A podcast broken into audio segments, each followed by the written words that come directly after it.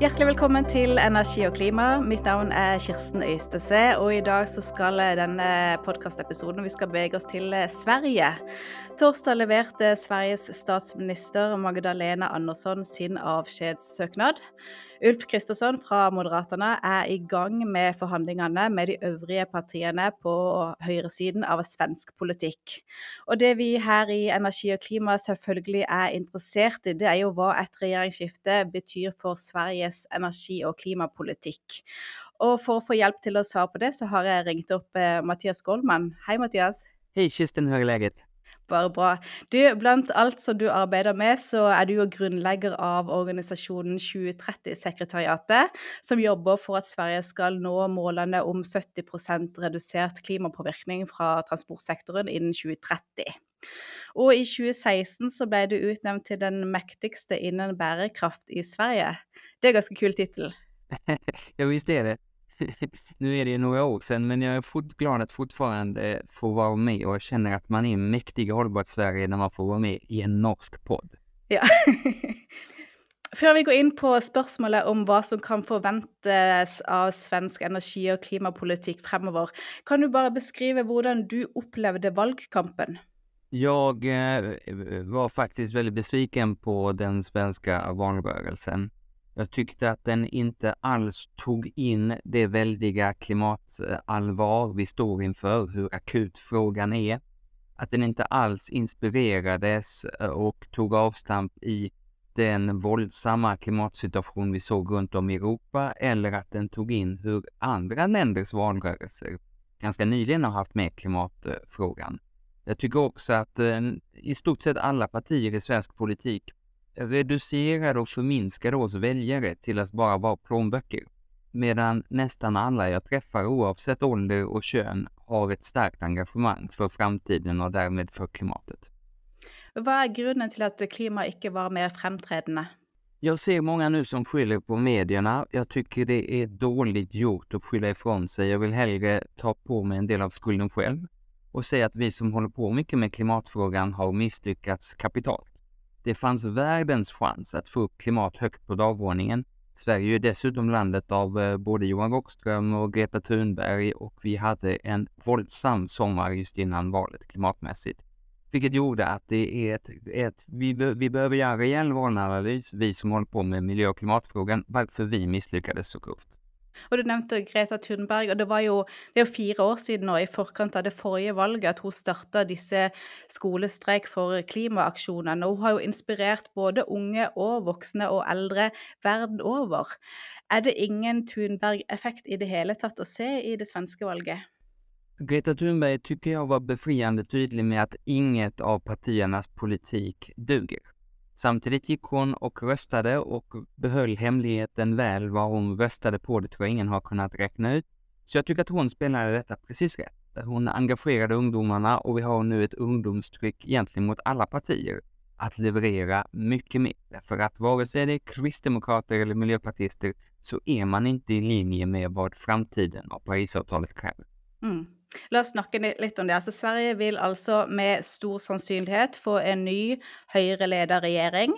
Det er fire partier som räknas regnes som høyresiden i Sverige. Det er Moderaterna, Kristdemokraterna, Liberalerne og Sverigedemokraterna så er det ikke sikkert at alle disse fire partiene kommer til å gå inn i regjering. Kanskje blir det tre, bortsett fra Sverigedemokraterna, kanskje blir det bare to, at også liberalerne står utenfor. Men hvis du raskt skal presentere hva disse partiene står for på klima- og energifeltet, hva er de enige om, og hva er de ikke enige om? Nyss så var jag ju väldigt självkritisk mot hur vi från klimathåll har agerat i valrörelsen, men en sak har vi i alla fall lyckats med. Och det är att de sju partier i Sveriges riksdag, alltså alla utom Sverigedemokraterna, som stod bakom klimatmålen när Sverige tog dem, står fortfarande bakom dem. Till exempel det 2030-mål som du nämnde i inledningen. Och det är en stor framgång därför att på många andra områden har vi sett hur Sverigedemokraterna, som ju är nästintill klimatskeptiker och dessutom nästintill, ja, de är rasister och mycket annat dumt. Eh, de har på flera andra områden eh, dragit med sig flera partier åt sitt håll, men inte här. Här står fortsatt de andra tre partierna på högerkonstellationen, Kristdemokraterna, Moderaterna och Liberalerna, står alla för klimatmålet och då får SD ge sig. Då gäller klimatmålet Och jag ser inte att den politik vi sett från de här fyra partierna i valrörelsen är ens i närheten av att ge oss klimatmålet. Tvärtom så är man ense om att sänka det vi i Sverige kallar reduktionsplikten, alltså man ska ha mer fossilt i eh, bensinen och dieseln än vi har nu. Man är ense om att kraftfullt sänka skatten på fossila drivmedel. Man är ense om att eh, eh i princip ligga lågt med utbyggnaden av förnybar energi tills vi så småningom kan ha nya kärnkraftverk som är en väldigt central fråga för de här fyra partierna. Så det mesta man är ense om eh, går åt fel håll i klimatriktning. Den enda tydliga punkten man verkligen vill mer än den regering vi tills nu har haft är på negativa utsläpp, carbon capture and storage eller carbon capture and usage, som har en direkt Norge-koppling därför att eh, det har ju tänkts att en del av de här koldioxiden ska skeppas iväg till Norge. Nu hör vi att det verkar vara fullt i era lager så det blir en smula svårare än vad de här politikerna hade tänkt sig. Men det är det enda området där jag kan se att ambitionerna är högre, möjligen också på elektrifiering av fordonsflottan. Men sammantaget så ger det till exempel oss på 2030-sekretariatet ett väldigt viktigt uppdrag. Att säga kära politiker, ni står för det här målet. Vi kommer nu med kompletterande förslag till vad som krävs för att uppnå det. Mm. Eh, jeg tror det er flere aktører i Norge som er veldig interessert i å få svenske kunder til å, til å skipe CO2 til oss, så jag tror inte det är fullt. Ja, men vad härligt, och det, och, det, och det vill vi gärna, men, men när jag ser på synergierna med andra miljömål, vi har 16 miljömål i Sverige varav klimat 1 och vi har 17 globala hållbarhetsmål, då ser jag att stoppa undan koldioxid, det ger ganska lite i form av skojiga synergier. Så det är inte det vi helst ska göra, även om det alltid förstås är kul att göra affärer med Norge. Mm. Men är det inte för enkelt att säga att man står inne för både 2030 och för så vidt 2045-målet i klimatpolitiken, om man reellt sett i politiken så kommer de nästa fyra åren går i motsatt väg? Jo, du har rätt i det och framförallt ett 2045-mål är ju så långt borta så att det är väldigt lätt att skryta om hur kaxig man kommer vara och sen göra ingenting för att man är nog inte kvar som politiker när vi kommer dit. 2030 är däremot, det är den här mandatperioden som gäller för att vi ska klara det målet. Så där eh, lutar jag mig tungt mot statsvetenskaplig forskning som säger att politiken brukar leverera det den lovar. Det är en annan sak, sånt som man säger lite allmänt, men det finns ett specifikt procentsatt och årtids årtalssatt mål. Så brukar politiken leverera och det är det vi nu med gemensamma krafter ska se till att den här konstellationen också gör. Vad är då den mest betydningsfulla ändringen du förväntar att vi vill se, eller frykter att vi vill se, från en regering ledd av Alf Ulf Kristersson? Det mesta som vi ser från deras eh, överenskommelse hittills är sånt som kostar pengar. De vill sprätta iväg mer pengar på ganska mycket samtidigt som Sveriges önskan att gå med i NATO blir väldigt dyr. Vi måste höja försvarsanslagen till nästan det dubbla och samtidigt som vi går in i i vart fall sämre tider, möjligen rent av recession. Det betyder att jag ser att den typen av klimatåtgärder som kostat mycket pengar får det tufft. Medan om vi är duktiga på att spela in sånt som är eh, lönsamt och samtidigt bidrar till minskad klimatpåverkan så har vi goda chanser. Och det gäller till, till exempel stora delar av effektiviseringsarbetet. Här har de här fyra partierna inte sagt särskilt mycket än, men vi ser att det kommer en del bindande krav på oss som EU-medlemmar och vi ser att annat gagnar hushållen och statskassan som är väldigt svår för eh, Moderaterna som ju kommer att ta det ansvaret att få ihop annars. Samma sak så ser vi att de fossila subventionerna som i Sverige kraftfullt ökar nu. Om man istället kan vända dem neråt så är det bra både för klimatet och för statskassan. Mm. Og energieffektivisering, som du nevner, det er jo interessant, for det er jo nesten ingen politiske partier som er uenig i at det bør satses på energieffektivisering. Det ser vi også i Norge, men så mangler politikken. Det er gøyere å snakke om de litt større fremtidsvisjonene som CCS og hydrogen, og for Norges del også offshore vindkraft. Og i Sverige så er det kanskje kjernekraften som har den, den der eh, dimensjonen av å være noe litt større og litt lengre fram. Men precis så, det är väldigt sällan som man går igång på effektiviseringar och eh, jag tycker att tyvärr Sverige sticker ut ganska dåligt här därför att under tiden vi hade valrörelsen så såg vi hur ansvarsfulla politiker i allt ifrån Finland till Tyskland och Frankrike och Spanien eh, berättade för oss att eh, detta fruktansvärda anfallskrig från Putin mot Ukraina innebär att vi faktiskt får skärpa oss lite, skruva ner temperaturen lite, kanske jobba distans lite oftare, kanske bli bättre på att cykla istället för att ta bilen. Inget av detta hördes från ledande svenska politiker, absolut inte från de här fyra partierna som tillträder nu. Men jag hoppas ändå att man kan göra skillnad på en ganska dålig valrörelse och en förhoppningsvis mycket bättre mandatperiod. Mm. Vill detta ge en boost till kärnkraft i Sverige, detta valget? Ja, det är, det är inte självklart. De fyra partierna är överens om eh, en kreditgaranti på 400 miljarder svenska kronor till den som vill etablera kärnkraft och bara kärnkraft. Den som till exempel vill göra vindkraft eller energilager eller liknande har noll att hämta. Det är dålig politik tycker jag, men jag tror ändå att det inte kommer att spela någon roll. För att även om det finns en kreditgaranti så måste ju någon vilja ta det där lånet för att bygga kärnkraftsreaktorer. Och jag har svårt att se att kärnkraften kan konkurrera med de förnybara energislagen vad gäller kostnad per kilowattimme. Men jag tycker eh, Game On eh, kan kärnkraften visa att den är eh, kostnadseffektiv och klimatsmart, så varför inte? Men jag upplever inte nu att de stora svenska energiaktörerna är särskilt sugna. Mm. Du, la oss se litt på hvordan det har gått i Sverige fram til nå. For vi har jo vært innom dette 2045-målet som ble vedtatt i 2017. Altså målet som sier at Sverige skal nå netto null utslipp i 2045. Hvordan ligger dere an?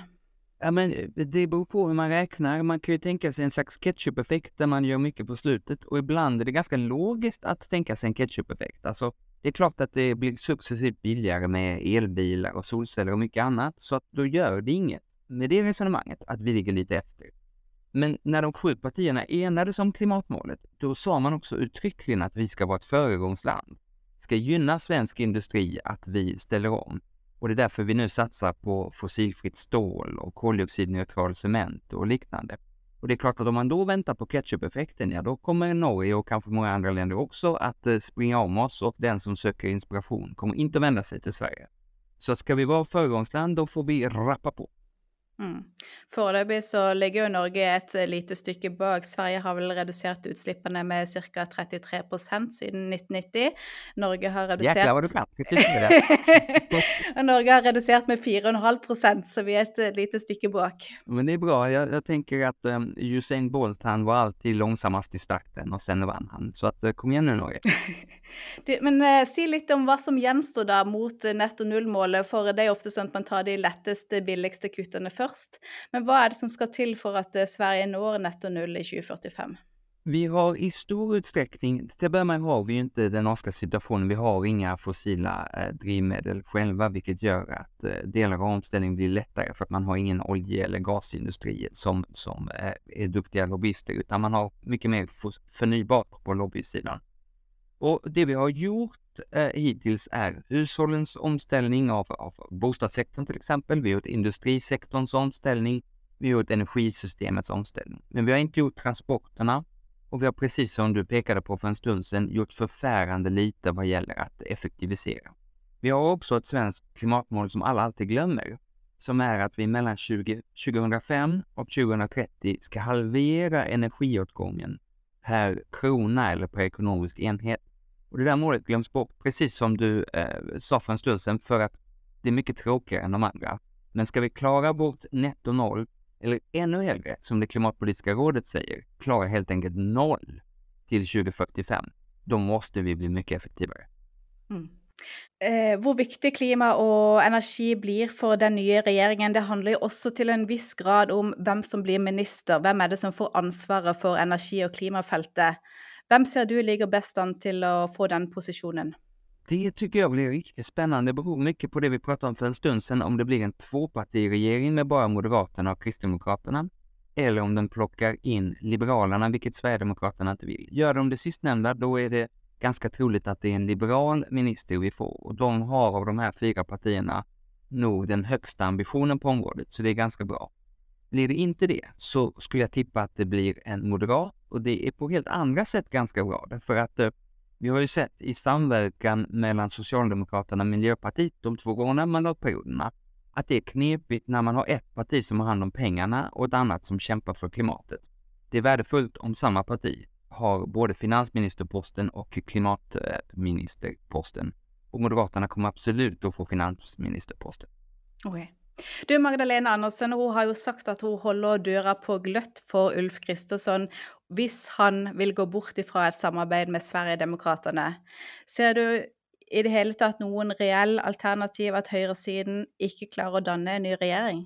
Jag ser absolut eh, den eh, möjligheten eller det hotet eh, just på grund av att Sverigedemokraterna kanske absolut propsar på plats i regeringen. De är ju det största partiet i den konstellationen och då är det en redline för Liberalerna. Å andra sidan, om Liberalerna kommer in i regering, då säger Sverigedemokraterna nej. Och också sakpolitiskt kan det skilja så mycket mellan de två, två partierna att det blir svårt. Det gick ju till näst sista möjliga talmansrundan förra gången vi skulle utse regering i Sverige. Och skulle det gå ett antal omgångar där man inte lyckas få fram ett förslag, då tror jag det är mycket möjligt att vi får en samling kring mitten. Det är också så att Sverige har en besvärande historik av politiska bildar. Och skulle den här konstellationen som verkar det mest troliga just nu eh, styra, då är det 176 mandat mot 173. Det räcker med två personer som byter sida eller blir vildar eller röstar enligt sitt samvete. Till exempel är det flera liberaler som ju ogillar samarbetet med SD. Och SD har en historik av att alltid få ett antal politiska vildar under tiden mandatperioden går. Det räcker med två så finns det inte en majoritet för Kristersson längre. Och därför hoppas jag att han försöker hitta en bredare grund än den han nu står på. Och det skulle i så fall innebära också positivt för klimatet att ge Sverigedemokraterna minskat inflytande och söka samling, kanske hos Socialdemokraterna och kanske hos den forna allianskollegan Centerpartiet. Mm. Det kan bli spennende å følge med på svensk politikk fremover, men vi går nok noen uker i hvert fall hvor det kanskje ikke skjer så mye, i hvert fall som vi får vite om. Ja, sist, sist så tog det 134 dagar och det märkliga nu är att de här fyra partierna är överens om två saker. Dels det ska gå mycket snabbare och dels det ska vara mycket mer detaljerat, det man kommer överens om men det januariavtal som faststår. Jag tror de är svåra att förena, inte minst som liksom avståndet mellan Liberalerna eh, och eh, de tydligt antiliberala Sverigedemokraterna är väldigt stort. Mm. Tør du da til slutt eh, gjette når Sverige har en ny regjering på plats? Ja, det tror jag att vi har den eh, första november. Då tror jag vi har en ny regering på plats. Och en anledning till att jag tror att man ändå rappar på lite, förutom att man lovat det, är ju att Sverige är ordförande för hela EU 1 januari. Och det kräver en del förberedelsetid. Och det vore helt otänkbart och oerhört skamligt om Sverige skulle tillträda som EU-ordförande utan att vi ens har en regering. Gott tips. Du, tack för praten, Mattias Goldman. Tack Kirsten, tack för att jag fick vara med. Takk også til du som lytter på. Abonner gjerne på Energi og klima i din foretrukne podkastapplikasjon. Takk for i dag.